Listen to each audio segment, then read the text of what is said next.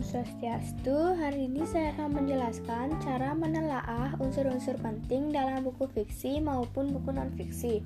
Yang pertama, ada ungkapan sebagai unsur kebahasaan dalam buku fiksi. Nah, dalam sebuah buku banyak terdapat kata-kata yang saling berhubungan yang disebut sebagai ungkapan.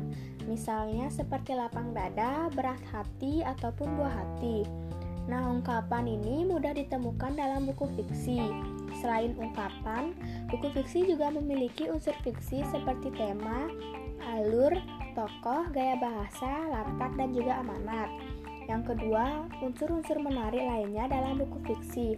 Nah, buku fiksi ini memiliki daya tarik sendiri untuk menjadikannya enak dibaca. Contoh buku fiksi yaitu antologi puisi, cerpen, ataupun novel.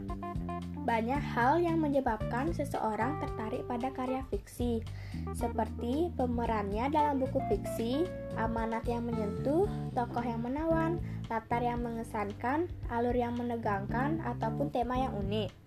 Yang ketiga, membandingkan unsur buku fiksi dan buku non-fiksi. Nah, yang pertama unsur buku fiksi.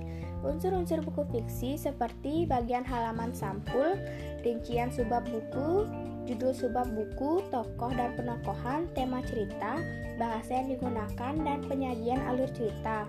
Yang kedua, unsur buku non-fiksi.